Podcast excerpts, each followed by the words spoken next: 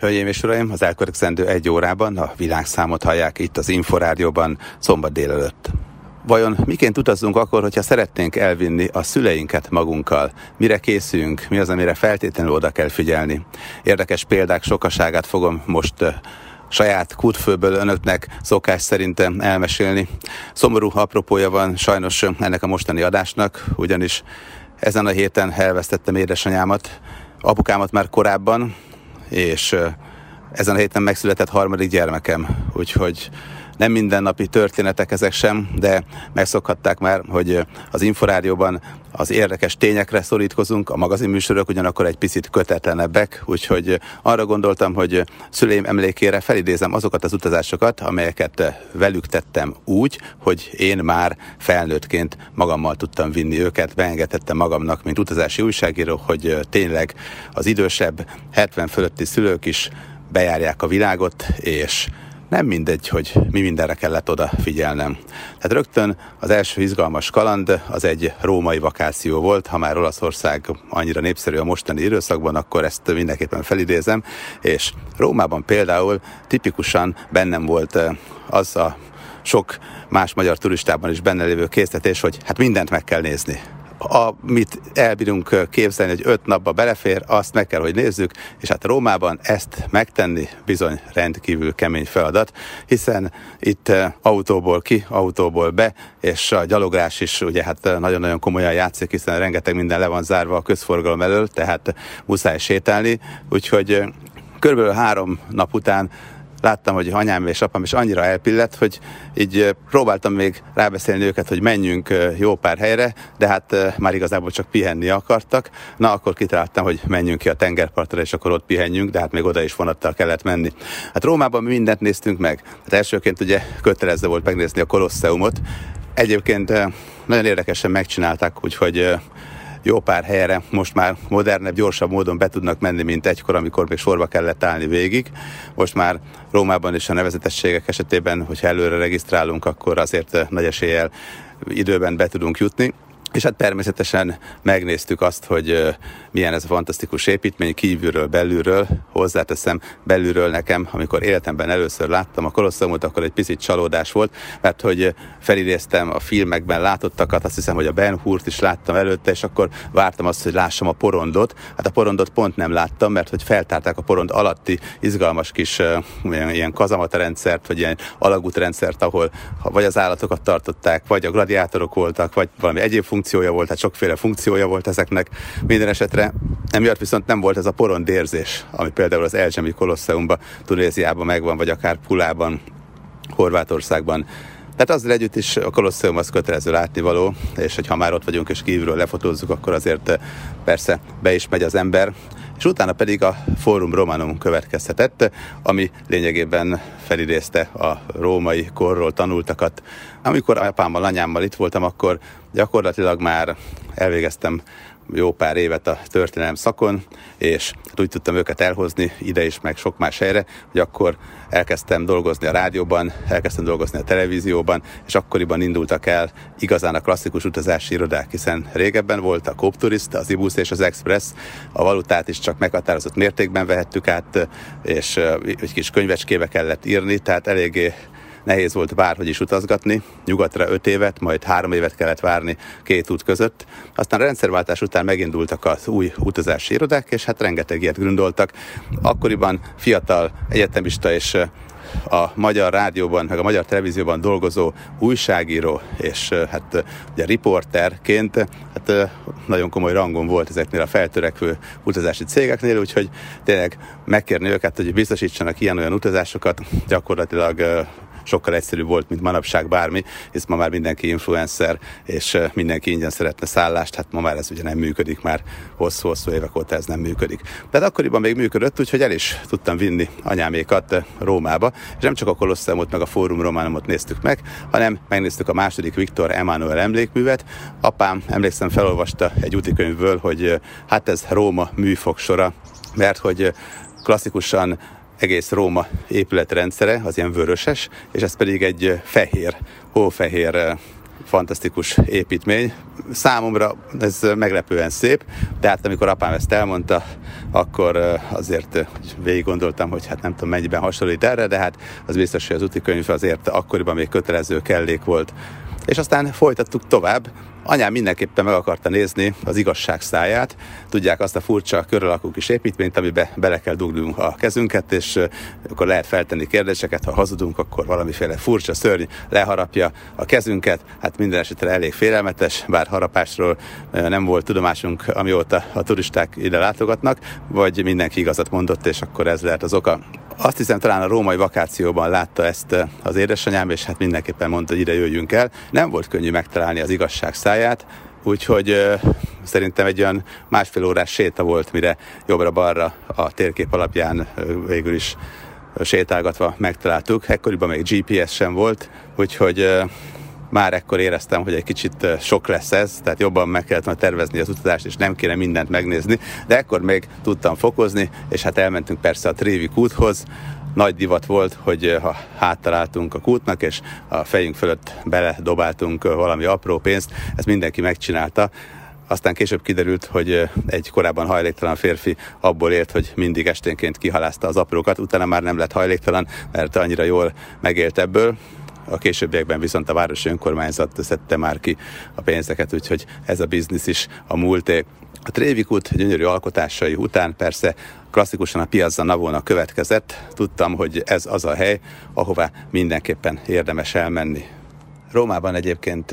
a Piazza Navona egy olyan központi hely, ahol tényleg fantasztikus kapucsinókat lehet kortyolgatni, az igazi olasz pizzát ki lehet próbálni, és mellette gyönyörködni lehet a csodaszép épületekben, a szökőkutakban, a fiataloknak is kedvelt találkozóhely, az idősebbeknek is. Úgyhogy itt eh, édesanyám szépen leült az egyik székre, és azt mondta, hogy na, már pedig most itt eh, másfél órán keresztül el sem mozdulunk, mert eh, úgy elfáradt szegénykém, és aztán apukám is odaült, és ott nézte a tömeget, és hát akkor rádöbbentem, hogy az is elég, hogyha egy helyre, két helyre elmegyünk egy ilyen túrán, és önmagában, ha valami frekventált helyen leülünk a főutcán, fogyasztunk egy italt, akkor átérzünk egy kicsit az egész hangulatából valamit, látjuk azt, hogy hogyan jönnek a helyiek által is kedvelt területekre a vendégek, miket csinálnak, nézzük azokat, akik szintén turisták, és ez már önmagában szórakoztató, nem kell feltétlenül minden szoborról egy fényképet készíteni, anélkül is teljes az élmény, a turisztikai élmény. Minden esetre a harmadik nap után, amikor már tényleg mindent végigjártunk, akkor persze a Vatikán következett. A Vatikánba, a Sixtusi kápolnába ekkor még nem lehetett előjegyzéssel bejutni, úgyhogy végül is nem vállaltuk a sort. Aztán a későbbi idők folyamán már azért elmentem, és előzetesen foglaltam helyet, és akkor így bejutottam, persze többször is megcsodáltam az egészet. Hát lényegében a Vatikáni Múzeumról van szó, és annak az egyik állomásra a Sixtusi kápolna, ahol lehet látni Michelangelo csodálatos freskóját, és meg is vásároltam ezt ilyen kis poszterbe, úgyhogy ki is tettem a konyhám falára.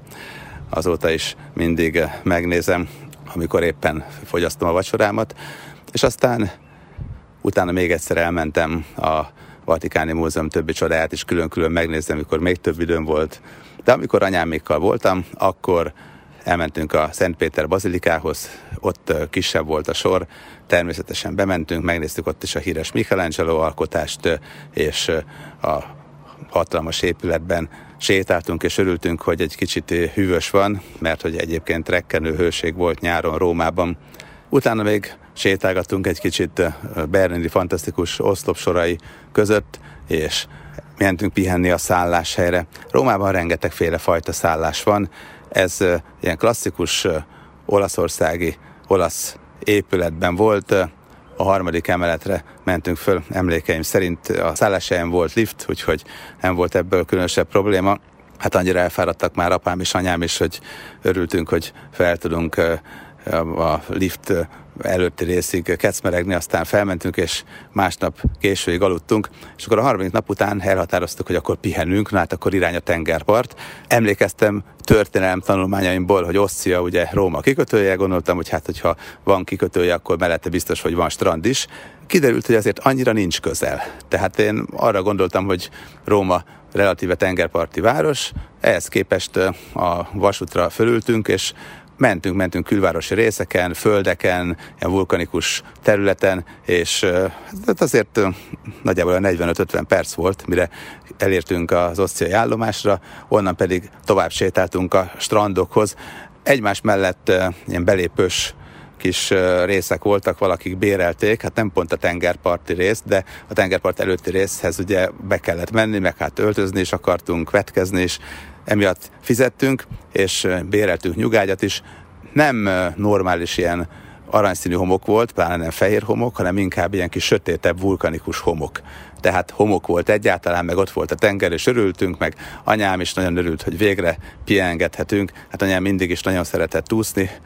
úgyhogy rögtön belevetette magát a habokba, ott a Róma melletti tengerparti szakaszon, és úszkált egy picinyikét. Egyébként tipikusan inkább város néztünk, kulturális élményeket faltunk, amikor szüleimmel utaztunk, bár anyám nagyon szeretett napozni és fürödni is, de apám is el volt a fürdéssel, de úgy módjával minden esetre Róma, a római látogatás az hát meglehetősen hajtós volt. Utána még egy napon keresztül gondoltam, hogy ha már Rossziában kipihentük magunkat, akkor az utolsó napot is töltsük tartalmasan. Még az összes létező emlékművet, amit így az könyv felsorolt, megpróbáltam megnézetni szüleimmel, és az biztos, hogy az ötödik napot követően, hát anyámik azt mondták, hogy szép-szép Róma, de legközelebb megyünk inkább Londonba nagyon elfáradtak. És legközelebb elmentem Londonba, ugyanis az volt apukámnak a vágya, hogy mindenképpen egyszer életében Londonba egy Bobbival, egy londoni rendőrrel hadd foghasson kezet. Ez a vágya teljesült, de már tanultam a római élményekből, és elhatároztam, hogy úgy viszem el a szüleimet, hogy nem megyünk el mindenhova, csak bizonyos helyekre, és oda is lehetőleg taxival, előre megterveztem, hogy mikor, hol megyünk taxival, mikor, hol megyünk emeletes busszal, és azokra a helyekre, ahol nem volt a busz megálló közelében rögtön valami nevezetesség, vagy érdekesség, vagy esetleg valami jó kávézó, ott mindig inkább a taxit választottam, és nem is fáradtak el, úgyhogy a londoni kirándulás volt számukra a városlátogató túrák közül a legjobb, pedig akkor még úgy jutottunk el ide, mert kaptam valami légitársaságtól szintén szabadjegyeket, a klasszikus szabadjegy időszakban volt, hogy Amsterdamba megálltunk, és akkor Amsterdamba is foglaltam egy szállást, és akkor itt is megnézték a nevezetességeket. Hát a nevezetességekben persze az amsterdami klasszikus hajókirándulás volt benne, megnéztük a csatornáknak a világát, és a teste meg megnéztük a piros lámpás negyedet. Hát ezt nem kell szégyelni egyébként. Emlékszem, amikor életemben először Amsterdamba jártam, akkor az első rendszerváltás utáni megválasztott magyar parlament delegációját kísértem el, mint a Magyar Televízió munkatársa, és hát még volt ugye kisgazda, SDSS, MDFS, gyakorlatilag MSZP, és tehát nagyon sok a rendszerváltás utáni parlamenti pártból volt delegált. Volt olyan, aki később közlekedési miniszter is lett, meghalt azóta már, olyan tagja is a küldöttségnek. Minden esetre, hát a helyi kamera hívott meg minket, életünkben olyan fantasztikus szállodában nem voltunk, nem csak én, hanem szeretem a képviselők majdnem mindegyike sem, és hát mondták, hogy korlátlanul lehet bármit fogyasztani a minibárból, úgyhogy amikor aztán hazamentünk, mindenkinek csörgött a bőröngye, telepakoltuk rendesen, és hát megkérdezték a vendéglátóink, hogy hát este milyen programot szeretnénk, esetleg el akarunk menni valami színházi előadásra, vagy bármi másra, ezt álmodjuk meg. És akkor odajött hozzám az egyik képviselő, és hát mondta, hogy hát Ricsikém, van egy fontos feladatod. És hát mondom, mi a feladat? Hát amikor megkérdezik, hogy mit nézzünk meg este, akkor mondd azt, hogy a piros lámpás negyedet. Hát de, de miért? Hát mondd azt, jó. Mondtam, hát engem is érdekel, miért nem mondanám. Úgyhogy ilyen tejfölös szájú fiatal gyerekként, ifjú riporterként, amikor megkérdezték, hát nem hagytam szóhoz jutni a nagy és híres delegációs képviselőket, hanem mondtam, hogy hát a piros lámpás negyedet szeretnék megnézni, és hát akkor mindjárt megszólalt ez a derék képviselő barátom, hogy hát ez ugyan ő ezt egy picit egy elítéli, meg furcsának tartja, de hát hogyha a média ezt szeretné, akkor legyen így, úgyhogy el is mentünk megnézni a piros lámpás negyedet. Hát valóban fantasztikus élmény volt, úgyhogy tényleg nem bántuk meg, hogy ilyen csodát láttuk. Azóta sok minden változott, de hát ez kétségtelen a nevezetességek közé tartozik. Azzal együtt Amsterdam tényleg a kis hajókázással, a kis villamosozással anyámnak és apámnak is fergeteges élmény volt, rövid élmény, mert utána mentünk tovább Londonba, és Londonból pedig már közvetlenül jöttünk vissza Budapestre. Hát ott is ilyen szabadjegyes feeling volt azért. Emlékszem, hogy hogy izgult édesanyám is, hogy te jó ég, hogy fogunk felférni, mert a szabadjegynek az volt a lényege, hogy ha még marad egy kis szabad hely, akkor tudunk elutazni, viszont ha bizniszosztályon marad szabad hely, akkor a bizniszosztályra is feltettek minket, mondván, hogy szabadjegyet elsősorban a dolgozók kaptak, meg akik így reklámot csináltak a légitársaságnak. És hát ennek az lett az eredmény, hogy általában elfogytak azok a helyek, amelyek a turistaosztályra szóltak, emiatt majdnem mindig bizniszosztályon tudtunk utazni, mert ott azért ritka volt az, hogy minden egy elkeljen. Hát hát itt is bizniszosztályon mentünk haza, hát emlékszem, kaptunk rántottát, és apám és anyám is hát így elalélt, hogy te jó ég, ez már maga a kánoám, London fantasztikus volt, tényleg a Piccadilly Circus-tól kezdve mindent megnéztünk, Nelson admirális híres szobráig a Trafalgar téren, elmentünk a British Múzeumba, meglepődtünk, hogy nem kell fizetni a látogatásért, ott is módjával néztük már meg a dolgokat, és tudtam, hogy minden út a büfébe kell, hogy vezessen, ahol mindig kell egy kis kávé, egy kis indivaló, egy kis víz, egy kis pihenés. Hát bőven beítattam a pihenéseket, és tudtam, hogy a szüleim esetében nagyon fontos az, hogy nem kell mindent megnézni. Kevés dolgot kell megnézni, sokat kell üldögélni, egy kicsit rá kell csodálkozni arra, hogy most éppen hol vagyunk, és nem biztos, hogy az utolsó izgalmas angol emlék is feltétlenül hogy a szemünk elé kell, hogy kerüljön, hanem inkább lassabban, érdekesebben éljük meg azokat az élményeket, ami egyébként ott hever a lábunk előtt. Tehát nagy élmény volt például, hogy az emeletes buszon fölmentünk az emeletre, és akkor előre oda mentünk, és onnan néztük meg London csodáit. Nagy élmény volt az, hogy utaztunk egy klasszikus londoni fekete taxiba, és akkor önmagában a taxizás élménye egy csodának számított. Hát akkoriban még azért nagy dolog volt, hogy Londonba utazhattunk. Most már egyébként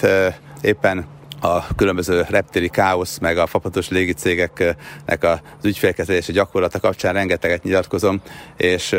hát eszembe jutott, hogy persze jogos ez a dolog, hogy azért a fogyasztó védelemnek van feladata, az kétségtelen itt a mostani időszakban, de hát mégiscsak a fapados légicégek, a lókász légitársaságok lehetővé tették azt, hogy elutazhassanak rengetegen, például Londonba. Na most az én időszakomban még, hogyha nem lett volna szabadjegy, akkor valószínűleg nem engedhettük volna meg magunknak, hogy csak úgy vásárolunk jegyeket, mert hát drágább volt, mint most egy átlagos repülőjegy, hogyha felszállunk egy gépre. Úgyhogy azért ez is az igazsághoz hozzátartozik, hogy olyan réteg is megengedhette magának az utazást a fapados légicégek megjelenésével, amelyik korábban nem. Hát persze itt jönnek a környezetvédelmi agályok, hogy de hát biztos, hogy utazniuk kell, és akkor folytathatnánk tovább, de hát ez már más kérdés, ez már nem turisztikai vetülete ennek a dolognak. Minden esetre anyukámmal, apukámmal a londoni kirándulás olyan pozitív emlék volt, hogy emlékszem, hogy rengetegszer emlegették még, hogy hát tényleg, ha Budapesten kívüli várost kell megnevezni Európában, akkor a csúcs szerintük London. Én meg mindig azt mondtam, hogy hát szerintem a fővárosok közül hát Budapestet én is kiemelem, mert azért itt nyugodtan élhetünk, és azt gondolom, hogy irigylem a svájci kórházakat, meg azokat a normális kórházakat, ahol tényleg az ember úgy tud ellenni, hogy érzi a törődést, tehát azért nálunk nem mindenhol járatjuk ezt csúcsra, de úgy egyébként a magyar beszéd, a magyar nyelv, a vendégszeretet, a fantasztikus épített környezet, az izgalmas látnivalók, az mindenképpen olyan, hogy én Budapestet rendkívül élhető városnak tartom, és Magyarországot általában nagyon élhető helynek tartom és utána pedig, hogyha azt mondom, hogy szépségre mi a következő főváros, akkor Rómát említeném. Tehát Róma szerintem szépségében, érdekességében, történelmi hagyományaiban azért ott van mindenképpen a toppon Budapest, Róma tényleg rendben van. És London pedig, hát azért én sokszor voltam Londonban úgy, hogy esett az eső, gyakori az, hogy ködös az idő, nem mindig van jó idő, és hát összességében nekem néha már túl sok London, de anyámnak és apámnak London volt tényleg az, amire azt mondták, hogy hát ez valami mesebeli hely, már ami a fővárosokat, ami a nagyvárosokat illeti, mert egyébként nagyon szerettek még pár helyet, például Ibizát. Ibizára azt hiszem, hogy talán hát olyan 28 éve vittem el anyámékat, és az volt az elképzelésem, hogy egy nyaraló programot prezentálják nekik, és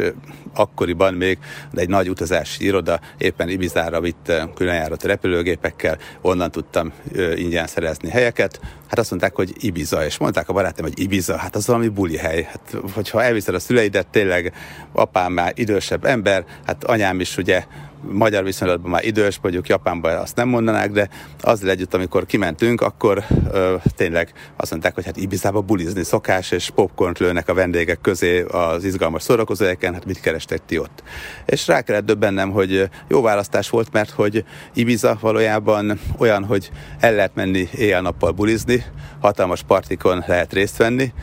megnézhetjük a hippiket is, mert még mindig vannak a sziget közepén hippitanyák, és még mindig ezt az életmódot sokan megélik. Ugyanakkor vannak Elvissza környékén is, San Antonio környékén, sok helyen vannak olyan helyek, ahol családosoknak is ideális a terület, nem kell feltétlenül attól aggódnunk, hogy este tíz után még bömböl a zene, és nagyon kellemes tengerparti területek vannak, ahol valóban lehet fürdeni és élvezni az életet. És emlékszem, hogy egyszer a harmadik vagy a negyedik napon viharosabb lett az időjárás, de azért meleg volt. Olyan füllet, levegő, 30 fok körüli hőmérséklet, lementünk fürdeni, nem sütött a nap, és nagyok voltak viszonylag a hullámok, és apukám bement egy kicsit a, vizekbe, és hirtelen elkapta az egyik hullám, és annyira erős volt a hullám, hogy hanyat esett, de pont a fenekére, és elkezdett apám nevetni, és addig-addig nevetett, még elkapta a következő hullám, az meg így kigurítgatta a homokra, de hát anyám és apám is csak nevetett ezen,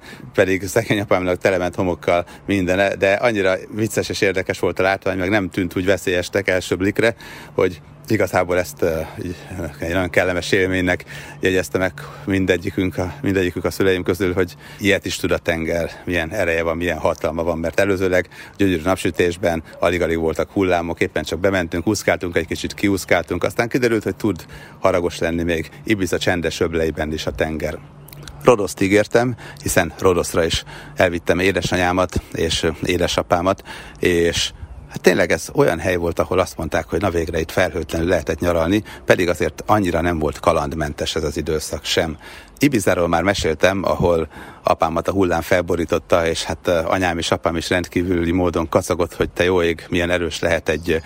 tengeri hullám. Előző időszakban egy olyan kis öbölnél voltunk, ahol gyakorlatilag majd, hogy nem állt a víz, vagy nagyon kicsik voltak a hullámok. Most viszont egy picit haragosabb volt a tenger, erősebb volt a szél, és hát lehetett érezni, hogy bizony azért a földközi tenger is nagyon kemény tud lenni, hogyha akar. Rodoszon nagyon sokféle öblöt kipróbáltunk. A kedvenc strandunk az a Faliraki Beach volt, ahol le tudtuk tenni a pokrócot, és kényelmesen üldögéltünk a napon, amíg annyira melegünk nem lett, hogy utána elmentünk a környékbeli kis falatozóba, ahol aztán jó lassú volt a kiszolgálás igazi görögös, de hát ráértünk bőven, és hozták a dolmadeszt, a finom szőlőlevélbe csomagolt húsfalatokat, a szúvlakit, a rablóhússzerű finomságot, és amikor pedig eljött így a három óra délután, akkor meg girosztettünk mindig. Anyám nagyon szerette mindegyiket, apám még jobban szerette, úgyhogy tökéletes volt minden. Faliraki Beach mellett persze kirándulgattunk is, elmentünk például Rodoszra,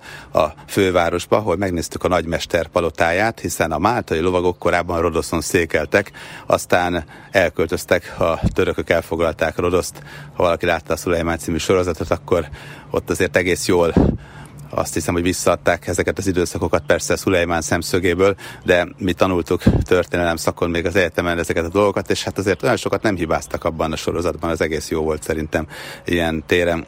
Ha pedig úgy éreztük, hogy most már sokat strandoltunk, akkor elmentünk és kerestünk valami kulturális nevezetességet. Rodoszon nem csak a nagy mesterpalotáját néztük meg anyámmal, apámmal, hanem, és akkor már tudtam azt, hogy nem kell sokat sétálni, de azért ilyen leülős, pihengetős dolgokat lehet szervezni. Elmentünk a kikötőbe, ott is elfogyasztottunk egy kis kapucsinót, ott is nézegettük azt, hogy mit csinálnak a halászok, így a kora reggeli fogásokat hogy viszik el. Aztán utána még sétáltunk a városba, ebédeltünk kényelmesen, de nem volt ez a rohanós, mint az első római utazás idején, amikor tényleg anyámat és apámat is úgy megfuttattam, hogy utána nem tudom, hetekig fájt a lábuk itthon szegényeknek. Minden esetre Rodosznál elmentünk még a kikötőnél arra a részre, és ahol átállítólag a híres rodoszi kolosszus, hát az ókor egy csodája volt, de ma már nem áll mert hogy egy földrengés romba döntötte, és a bronzot, mert egy óriási bronzszobor volt ez a rodoszi kolosszus, azt pedig eladták egy szíriai zsidó kereskedőnek, aztán ő továbbadta, és hát utána már nyoma veszett, hogy mi is lett a maradványaival a rodoszi kolosszusnak. Minden esetre a helyén, az állítólagos helyén most dámszarvasoknak áll a szobra, azért a dámszarvasoké, mert hogy Rodosznak a dámszarvasok rendkívül fontos állatok, ugyanis rengeteg kígyó volt régen Rodoszon, aztán, hogy elkergessék a kígyókat, dámszarvasokat telepítettek ide, állítólag a dámszarvasoknak a szagát nem bírják a kígyók. Minden esetre akár így volt, akár nem. Most már kevés kígyó van Rodoszon, úgyhogy a recept bevált, a dámszarvasokat pedig rendkívüli módon tisztelték és tisztelik Rodoszon, még szobrot is kaptak a Mandráki öbbölben a kikötőnél. Rodosz azért érdekes, mert hogy amellett, hogy megnézzük a fővárost, hogyha egy kicsit kultúrára vágyunk, akkor még sok helyre elmehetünk, például Lindosra, ahol a Lindoszi Akropolisra, ha felmegyünk, akkor ott mesés lesz a kilátás. Itt már tanultam a régió példából, és mondtam anyáméknak, hogy azon a részen, ahol csak gyalog lehet felmenni, ők semmiképp ne jöjjenek fel. Szépen leültettem őket egy kellemes vendéglőbe, és akkor én magam felcaplattam, aztán meg visszajöttem, és tudtam azt, hogy ez mindenkinek jobb így. Béreltünk egy autót, klasszikusan Görögországban azért olyan autókat lehet bérelni, hogy csoda, hogy egyáltalán még nem esik szét alattunk legalábbis a nagy átlag ilyen volt a kölcsönzőknek, és azt gondolom, hogy azért túlságosan sokat most se változott a helyzet. Amikor meg azt mondom, hogy terepjárót akarok bérelni, egyszer akartunk terepjárót bérelni, akkor olyan autót adtak terepjáró címen, hogy hát olyan kis magaslaton se tudott felmenni, hogy a később helyette bérelt Opel Corsa az gond nélkül megette ezt a magasságot. Tehát lényegében Csoda, hogy mennek ezek a járgányok, viszont mindig elég volt az, hogy amikor visszaadjuk az autót, akkor hagyjuk csak a suszkulcsot a lábtörlő alatt, aztán majd érte jönnek a kocsinak, tehát nagyjából ennyi volt az egész, úgyhogy ne, túlságosan sok mindent eh, nem foglalkoztak vele. Hát nehéz is lett volna abban az időben mondjuk fölrakni a kompra egy ilyen autót. Hozzáteszem, a Lindoszi Akropoliszon és Rodosz városán kívül is voltak még nevezetességek Rodoszon. Ilyen volt például a Pillangó küldje. Hát anyám azt mondta, hogy eh, fölösleges volt ide felszaplatni, és kétségtelen pillangót keveset láttunk. Azt mondták, hogy azért, mert hogy nappal alszanak a pillangók, hát éjszaka meg párosodnak, de hát nem világítják ki az, azt a területet, úgyhogy éjszaka nem tudunk látogatóba jönni. Következésképpen a pillangók völgyében ritkán látni komolyabb mennyiségű pillangót, ellenben jó meredek helyen mégiscsak kell egy kicsit uh, sétálni, úgyhogy kirándulásnak nem utolsó, de hát az biztos, hogy anyám nem örült annak, hogy itt föl kell mászni, meg le kell mászni. A Lindoszi Akropoliszt megúszta, a Pilnagók völgyét kevésbé. Viszont mindenkinek nagyon tetszett Kaliszea. Kaliszea Rodoszon egy kis öblöcske, ami azért érdekes, mert egyrésztről a parkolójába el tudunk jönni kocsival, gond nélkül, és csak át kell sétálni az úton, és utána pedig egy kis erdőbe bemegyünk, és utána rögtön ott van egy gyönyörű öblöcske. És itt az öblöcskében mindenféle antiknak tűnő romok vannak, ilyen oszlopok vannak benne a tengerben, és így viszonylag hűvös álló vízben olyan hangulatban fürödhetünk, hogy beleképzelhetjük magunkat abba, hogy nem tudom, Héraklész is itt fürdött egykor, hát itt tényleg a régi időszakra emlékezhetünk. Nagyon nagy élmény. Nem tudom, hogy mikoriak ezek a, a romok egyébként, de tényleg maga a Kaliszea strand valóban olyan, hogy kétszer is eljöttünk ide, annyira tetszett. Anyám eleve ezeket a hűvöses vizeket is kedveli, bár mondom azért nem láttam fürdeni a Rügen szigeteken, de szegénykém nagyon szerette ezt, úgyhogy amikor itt emlékezem rá, akkor mindig a rodoszi kaliszea is eszembe jut, de hát leginkább a faliraki halharapás jut eszembe, mert hogy anyám mindig is olyan típus volt, aki hamar megijedt, hogyha valami történt, és nagyon féltett engem. És emlékszem, hogy egy gumimatracot fogtam, és a faliraki bicsen az utolsó nap, aznap este ment a repülőnk a charterjárat vissza, éppen kényelmesen úgy ringatoztam, hogy ugye a holnap alatt volt a matrac, hullámok szépen így alattam el, hullámoztak, és közben a lábammal pedig rúdostam a vizet. És úgy tűnik, hogy valami rossz helyre rúghattam, mert hogy éreztem, hogy iszonyatosan elkezd fájni a jobb talpam és hátra néztem, és láttam, hogy vérzik a lábam, hát lehetett látni, hogy folyik a vér belőle. Nagyon megijedtem, úgyhogy ész nélkül elkezdtem kifelé úszni, Szerencsére viszonylag hamar kiértem, de nem tudtam ráállni arra a lábamra, úgyhogy kiszögdeltem, és hát rögtön kiabáltam anyukámnak. Hát persze rögtön kétségbe esett, de azonnal intézkedett, mert hogy mint említettem, nagyon határozott asszony volt, és tényleg rögtön azonnal szólt valakinek, hogy hát hozzanak jeget. Hát persze ugye félig németül, félig magyarul, de megértették mégis a görögök, úgyhogy elmentek egy fajlalatos kocsihoz, és a fajlalatos kocsinak az oldalából hoztak jeget. Lejegelték a talpamat, de továbbra is folyt belőle a vér, úgyhogy anyám elhatározta, hogy már pedig akkor el kell menni azonnal a kórházba. És nagyon közel volt a Faliraki Beachhez kórház, de nem is volt település egyébként, csak úgy ott volt a kórház szinte a semmibe, de ide is kocsival kellett elmenni. Anyám nagyon hamar megtanult vezetni, azt hiszem 77-be, mert hogy tudta, hogy az autót miután megvettük, 78-ba ki fogunk menni a nagybátyámhoz Svájcba, és emiatt megtanult vezetni, és apám akkor még nem tudott vezetni, úgyhogy anyukám elvezetett Svájcba, meg vissza, hát ezek után megsekottyant neki, hogy beüljön egy görög bérautóba, és elrobogott velem a Fajraki Beach melletti kórházba, ahol senki nem volt egyébként az orvoson kívül,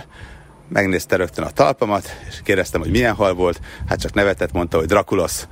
mert hogy fogalma se volt, gondolom. Minden esetre látta, hogy tényleg valami beleharapott a talpamba, lekezelte a lábamat, adott fájdalomcsillapító injekciót, és bekötötte. És hát mondtam, hogy hát tényleg a fájdalomcsillapító injekció után már nem is éreztem semmit. Mondtam anyámnak, hogy akkor mit csináljunk, még bőven van időnk a gép indulásig. A szállodából már délőtt kicsekkoltunk, mert utána már csak fürödtünk falirakin. Mondta anyám, hogy akkor menjünk el a hét forráshoz, a heptapigészig. Mert hogy a heptapigésznél hét gyönyörű kis forrás összefolyik, van egy fantasztikus kis alagútszerű rész, utána egy kis tavacska, és egy jó kis étkezde itt Rodoszon. El is mentünk, és tényleg még egy utolsó igazi görögös lakomát így befaltunk, hallott, hallgattuk a görög zenét, és hát előtte jó pár évvel a forró szélszínű filmben is, a jugoszláv sorozatban is mindig Görögországba vágyott Borivoja Surdilovics, ezt nagyon szerette anyám is, apám is, és hát ők is mondták, hogy hát hogy ezt a hangulatot ők is átélik, ez tényleg egy csodálatos dolog. De hát átélték, úgyhogy Eltapigésznél szépen a forró szél perzselte az arcunkat, majd utána beültem volna az autóba, de éreztem, hogy kimegy az érzéstelenítő hatás a lábamból, úgyhogy képtelen voltam vezetni. Hát ekkor még ritka volt az automata autó, persze ez is egy rendes, normál kis minikocsi volt, és hát mondtam anyukámnak, hogy a reptérre te fogsz vezetni, úgyhogy anyukám a Roroszi repülőtérre szépen elnavigált, és a megadott helyen ott hagytuk az autót, mert még ott se volt ilyen leadó, mint ami egyébként Amerikában mindenhol van, lehet, hogy már Rodoszon is van, de hát ezt egy kis kölcsönzősnél béreltük, és megmondta, hogy hol hagyjuk ott az autót, ott hagytuk, oda tettük a kulcsot a lábtörlő alá, és felbicegtem szépen a repülőtéri várórészre, becsekkoltunk, és hát egyre jobban kezdett el fájni a lábam, de hát akkor már viszonylagos kis késéssel, de megjött a chartergép, hazavitt minket, majd eltelt azt hiszem talán egy vagy két nap, és láttam, hogy ilyen kék-zöld foltos lesz az egész talpam. Hát iszonyatosan megijedtem, na mondom, végem van, és elmentem a Hermile úti rendelőbe, akkor még a Répási utcában laktam Zuglóban, és ott kerestem egy orvost, és mondtam, hogy hát megharapott egy hal Rodoszon, tényleg olyan a lábam, hogy iszonyatosan félek, mi a helyzet. És hát megnyugtatott, hogy mondta, hogy jó, kitisztítja a sebet, de úgy egyébként, hogyha ilyen harapásos sebek vannak, akkor az majdnem mindig ilyen kék-zöld, véraláfutásos, szörnyű kinézetű lesz, és nem mindig rögtön, hanem sokszor csak egy kicsit később, hát nem kell megijedni, úgyhogy adott eh, megint valami injekciót, és alaposan kitisztította a sebet, bekötötte, és mondta, hogy hát ő nem lát különösebb gondot, és valóban eltelt durván egy hét, tíz nap, és lényegében gond nélkül tudtam már menni, szaladni, és eltűntek ezek a csúnya kis barna aláfutásos részek is. Hát minden esetre attól kezdve anyukám bárhova is mentünk így vízbe, mindig nézegette, hogy van-e valami veszedelmes hal, de hát azért ez a kaland szerencsére elég ritka. Minden esetre a Faliraki Beach nevet ő is, meg én is megjegyeztük. Hozzáteszem, most is továbbra is szívből ajánlom, hogyha valaki Rodoszra megy, hogy nyugodtan menjen a Falirakira, mert egyébként ez nagyon ritka, hogy ilyen előforduljon, és tényleg nagyon finom, kellemes, homokos strand, jó nagy, vannak árusok is, tehát talán az egyik legjobb strand itt Rodoszon, mert Kalisztea is jó, de hát ott hűvösebb a víz, meg hát van még egy-két ilyen kisebb strand, de szerintem a Faliraki Beach a legjobb. Az együtt a halakra vigyázni kell, ezt már megtanultam. Meduzába is belefutottam párszor, de szerencsére, amikor anyukámmal voltam, akkor bármerre is jártunk, ilyen nem fordult elő. E, viszont az igen, hogy csak anyukámmal utaztam, és egyszer emlékszem, hogy még abban az időszakban, amikor ritkán lehetett külföldre menni, akkor kelet-európai, meg szocialista országbeli célállomásokat anyukám mindig kinézett, és egyszer pedig mondta, hogy az Esperanto szövetségnek a tagjai elmennek egy busszal Csesztahovába, és akkor menjünk velük. Hát ugye nem tudott uh, esperantóul, és uh, egyébként nem is nagyon villanyozta ezt fel, bár nagyon szeretett tanulni, és mindig mindenféle iskolát elvégzett, állandóan tanult, adószakértőnek tanult, uh, a legkülönbözőbb vizsgákat letette, tehát így tényleg imádta az egészet, és hát lényegében folyamatosan gazdasági vezetőként dolgozott egészen a mostani haláláig szegényem. Tehát Azért együtt az Esperanto valahogy nem hozta lázba, de az igen, hogy el lehet menni ezt a hoába az esperantistákkal. Így is tettünk, valahogy sikerült neki elintéznie, hogy elmenjünk, és hát amikor megérkeztünk Csesztahoához, akkor volt néhány vak utas is velünk, és hoztak magukkal kolbászt, és kiderült, hogy ahol megáll a busz, oda jöttek a lengyelek, és akkor rögtön elkezdtek érdeklődni, hogy van-e pixelámi. Hát pixelámi nem volt, de kolbász meg mindenféle más finomság volt, úgyhogy gyorsan segítettünk is ennek a fiatal srácnak, hogy értékesítse az eladandó árut, tehát megtörtént a különböző seftelés, és akkor már lehetett vásárolni a kegytárgyboltokban, vagy bárhol máshogy mindenféle érdekes lengyel emléket. Egy kolostor melletti vendégszobában laktunk, és emlékszem, hogy reggel nagyon-nagyon korán felkeltünk, és volt rengeteg-rengeteg kenyér kirakva, és az egyik kenyérnél pedig volt kis hús is rajta, és hát én gyerek lévén rögtön ahhoz nyúltam, de mondták, hogy szó sincs róla, vegyem csak szépen, mint a többiek, azt az üres részt, amit eszek majd a teával, és lényegében azt így megettem, és hozzáképzeltem, hogy esetleg milyen finomság van még. Fantasztikus élmény volt egyébként, amikor kora reggel, hajnali órákban megérkeztünk a Sestahovai templomba, és tele volt zsúfolásig, meg se lehetett mozdulni, és az ottani közös éneklés az hihetetlenül volt számomra, hogy hallottam, hogy tényleg mennyien vannak itt. Nagyon sok más helyre is elvitt még anyám, de néha olyan is előfordult, hogy a saját maga kelt útnak. Egyszer például elhatározta, hogy megnézi a Brioni szigeteket, és egy kicsit felfedezi a környéket. Ekkor még Jugoszlávia volt, és el is ment egy olyan útra, amikor még megnézhették Tito állatkertjét is, és egyfajta szocialista, realista safari park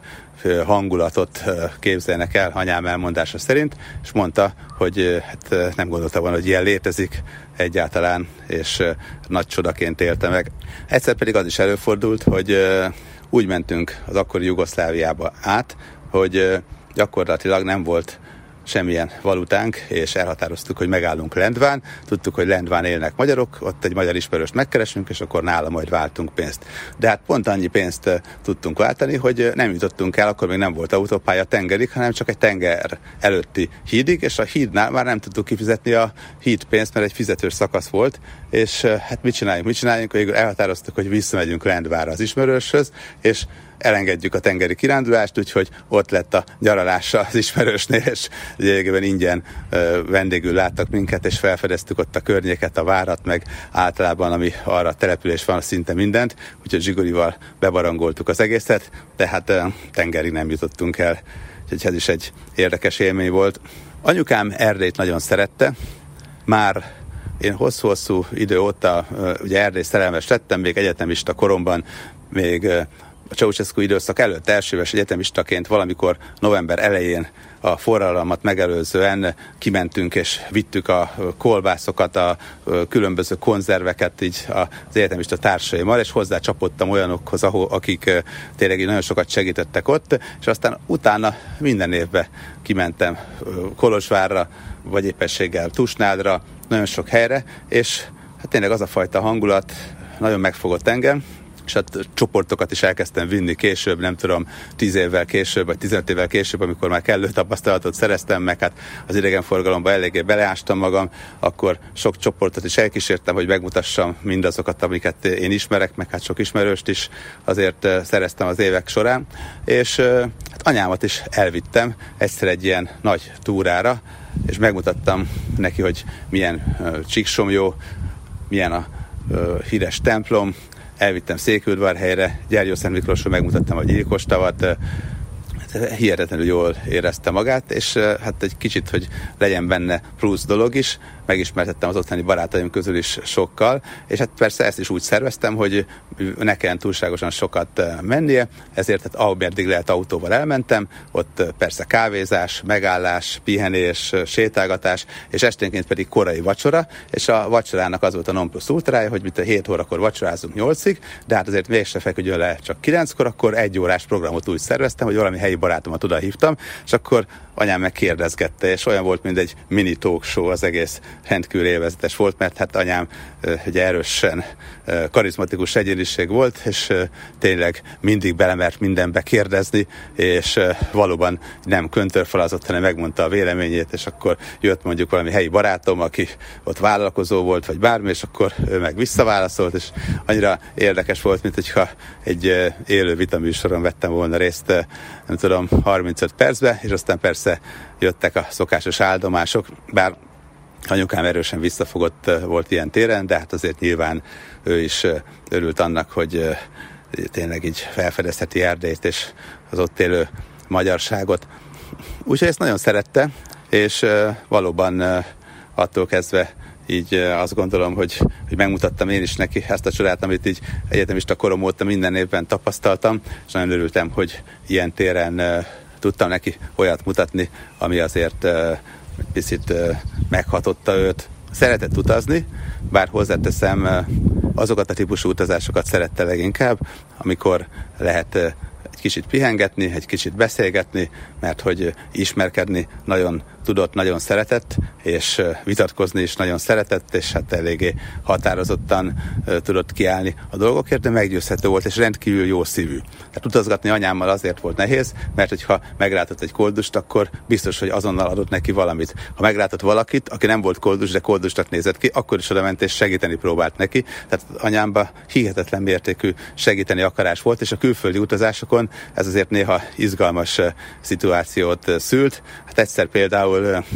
oda ment valakihez, és hát mondta, hogy hát akkor ad neki egy kis pénzt, vagy segítene, de hát mondta, hogy hát ő, ő ezt nem igényli, bár nagyon kedves, de ő csak így szeret öltözködni. Úgyhogy anyám ugye a konzervatív öltözködés híve volt azért nagyjából, és arra is emlékszem, hogy mutatta, hogy hát ott egy hippi bácsi, minden esetre az biztos, hogy a segítőkészség azért az minden téren jellemző volt a külföldi utazásokon is rá, és hát néha egy kicsit ezt túl is tolta, de az biztos, hogy a legtöbben ezt úgy élték meg, hogy hát milyen fantasztikus ember, aki így próbál meg segíteni azoknak, akik rászorulók. A kedvenc települései közé tartozott Kalota Szent Király, mert hogy elvittem egyszer egy igazi kalotaszegi esti rendezvényre, és hát itt aztán lehetett énekelni. Hát anyám ugyan nem volt olyan nótás kedvű, mint apám, ellenben aki kísért minket, Ézsiás Józsi bácsi, ő annál inkább szeretett nótázni. Aki akkor húzta a nótát, az pedig tényleg a híres csipás volt, Amerikával is ismert fantasztikus hegedűs, a kis csipás, a, a fia is híres itt Kalotta Szent Király környékén, és hát ott voltunk vagy öten vagy hatan, nem túl sokan, de a híres csipás, aki egész Amerikát meghódította meg, tényleg hihetetlen koncerteket adott, csak nekünk zenélt. És Ézsás Józsi bácsi elkezdett énekelni, hát anyám pedig úgy érezte, hogy hát ez valami csoda, ami itt van, és hallgatta a jó kis cigányzenét, és ott még jöttek menyecskék is, és ott táncoltak, tehát tényleg káprázatos volt, és hát Utána minden évben vittem hosszú ideig a Karotaszegre, a zenei napokra egy csoportot, pár éjszakát itt töltöttünk, aztán mentünk tovább Budvarhelyre, egy Eljó Szent Miklósra, meg egyéb helyekre, és hát emlékszem, hogy volt olyan, hogy tényleg több ezren voltunk ott a kis területen, a Szent Király környékén, meg a táncházba is százasával, meg este alig fértek az utcákon el az emberek, sokan voltunk nagyon, ugyanakkor majd nem hasonló műsort végélveztünk úgy, hogy öten voltunk anyámmal, Józsi bácsival, meg még két kedves barátommal, és hát ez igazán megható volt, hogy ugyanolyan átéléssel, ugyanolyan érdekesen, ugyanúgy játszottak, ugyanúgy adták elő a táncosok is, meg a primás is az egészet, mint amikor rengetegen voltak, és hát mi is fontosak voltunk, mert minden vendég fontos, ha sokan vannak, az is, ha kevesen, az is. És ez átjött, és hát eh, anyámnak rendkívüli módon tetszett, és nagyon meghatónak tartotta mindezt. Hölgyeim és uraim, önök a világszámot és benne a műsorvezetőt, Kis Robert Rihárdot hallották. További jó hétvégét kívánok önöknek, viszont hallásra!